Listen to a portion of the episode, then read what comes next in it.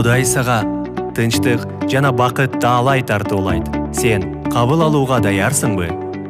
Анда салам программасына кош келиңиз.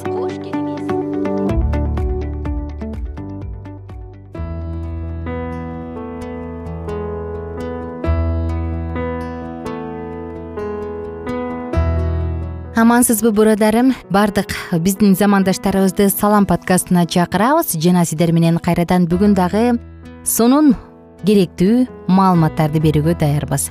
Пайгамбарлар жана жазуулар деп аталган курсту андан ары улантууга даярбыз. Мына ошондуктан бизден алыстабаңыздар. Биз менен бирге болуңуздар. Биздин сабактар менен кененирээк ал китап чекит медиа сайтынан таанышыңыз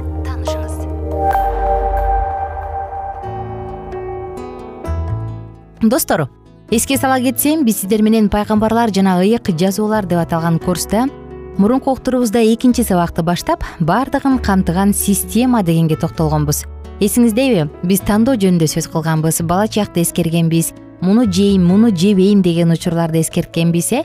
Бирок алла тааланын мыйзамы алла тааланын көргөзгөн жолу төрт китепти тең камтыйт экенин айтканбыз. Бул тоорат забур инжил жана куран китептерин. Мына ошондуктан эгерде момун мусулмандар аллахтын кабарын толугу менен түшүнүп аткаргысы келсе анда демек төрт китепти тең окуш керекпи деген маалыматка келгенбиз. Биз болсо бүгүн саатыбызды уланталы анан китептерге ишенүү тууралуу ыйык жазуу эмне дейт куран китеби эмне дейт мына бул тууралуу дагы сөз кылганбыз. Анан албетте курандан алынган аяттардын негизинде ыйык жазууларды куран китеби окугула деп айтаарын айтканбыз. Анда достор бүгүн саатыбызды уланталы биз менен бирге болуңуздар мында мен дароо эле суроо бергим келип атат. Ушул ниса сүрөсүн жогоруда окубадык белек. Төртүнчү бөлүм жүз отуз алтынчы аятта. Ал жакта мындай жазылган. Эй ыймандуулар! Аллахка анын элчисине ал өзүнүн элчисине түшүргөн китепке жана ал андан мурун түшүргөн китепке ишенгиле ким аллахка периштелерине китептерине элчилерине жана кыямат күнүнө ишенбесе ал узак адашууда болот. Бир жолу кайталап алдык. Эми ушул сүрөгө ылайык. Куран баардык нерсеге ишенүүдөн баш тарткан адам тууралуу эмне дейт? Аллахка периштелерге китептерге пайгамбарларга кыямат күнүнө ишенбеген адамды эмне дейт? Албетте мындай адам терең адашууда дейт. Андан ары уланталы. Туура окутууларга ылайык аллахтан өтө четтеп кеткен адам кандай аталат? Албетте ал адам аллахка ишенбеген адам же капыр деп аталат. Библия ыйык жазуу. Бурмалангандыктан улам куран аяндары берилген деп кудай куран өзү айткан жок. Көрдүңүзбү байкадыңызбы? Тескерисинче куран жиберилгенине карабастан ишенүүчүлөр мурунку китептерге ишенүүнү улантышы керектигин куран китеби өзү бекемдейт. Мусулмандар аллах жиберген баардык китептерге ишениши керек. Демек курандын аяндары пайда болгон кезде мурунку жазуулар өзгөрүлгүс жана күчтүү аллахтын аяндары бойдон кала бергени билдирилет. Бул чындык көптөгөн ишенүүчүлөр үчүн жаңыдай туюлат куран бул тууралуу ушунчалык ишенимдүү айтканына көптөрү таң калышат бирок бул аятта куран андан ары улантып исламдын окутууларын алардын ичинен аллахтын ыйык жазууларына ишенүүнү четке каккандар терең адашуу жолунда экендигин жар салат. Демек достор бул суроо курандын көз карашында маңыздуу анда аллахтан өтө четтеп кеткендер ким болот? Албетте алар аллахка ишенбегендерден болушат.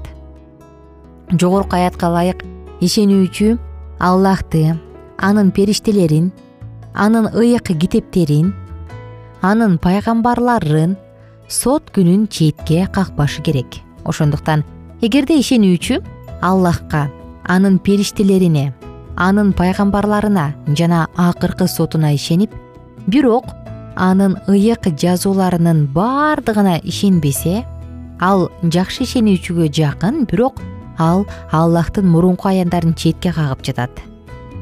Аятта китеп эмес китептери деп көптүк санда айтылат байкасаңыз. Демек аллахтын аяндары баардык чыныгы ишенүүчүлөр үчүн берилгендигин билдирет.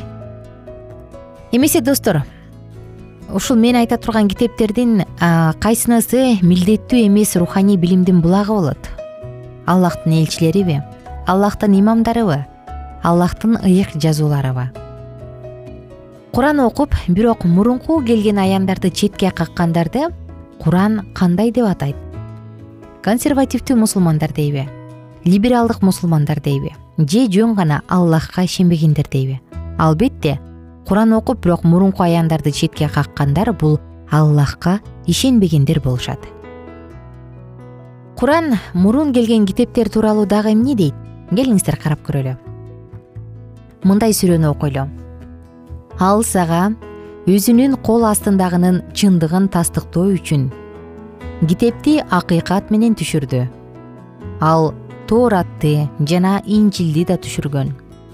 Андан мурда адамдарга туура жолду көрсөтүү үчүн ал ажыратуучуну да түшүрдү.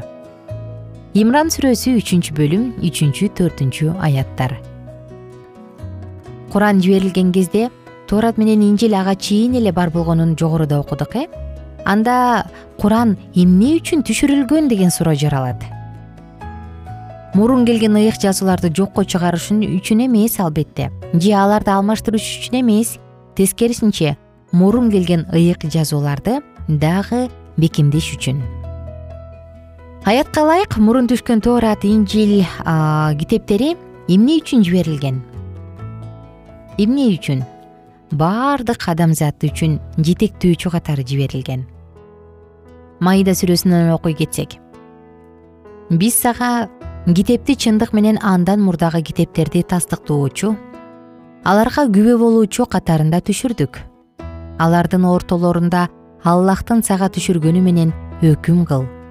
Өзүңө келген чындыктан ажырап алардын тилине кирбе силердин ар бириңер үчүн бир жол жобо жазып койдук. Эгер аллах кааласа баарыңарды бирдей коом кылып коймок. Бирок жиберилген жол жоболор аркылуу силерди сынамакчы. Жакшылык иштерде жарышкыла. Барар жериңер аллахтын алды. Ал силердин талашкан нерсеңерден кабар берет. Маида сүрөсү бешинчи бөлүм кырк сегизинчи аят. Мындай суроо дагы бар э алардын ортолорунда аллахтын сага түшүргөнү менен өкүм кыл деген беш кырк сегизди караңызчы. Демек бул эмне жөнүндө айтат? Албетте аларды адамдарды аллахтын китептери менен куран жана андан мурун келген китептерди менен сотто дегенди билдирет.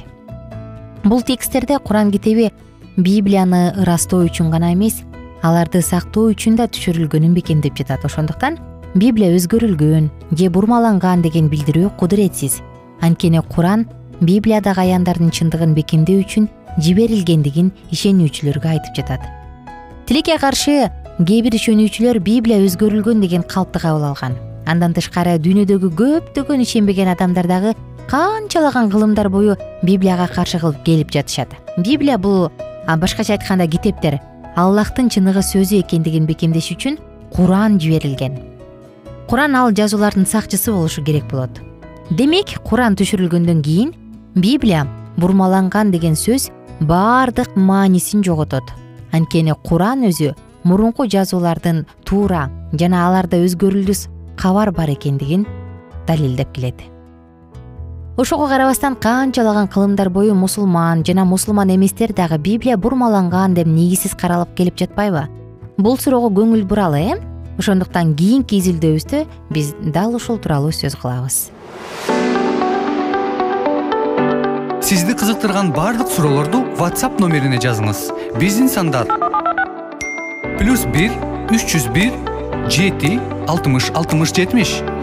Плюс бир үч жүз бир жети алтымыш алтымыш жетимиш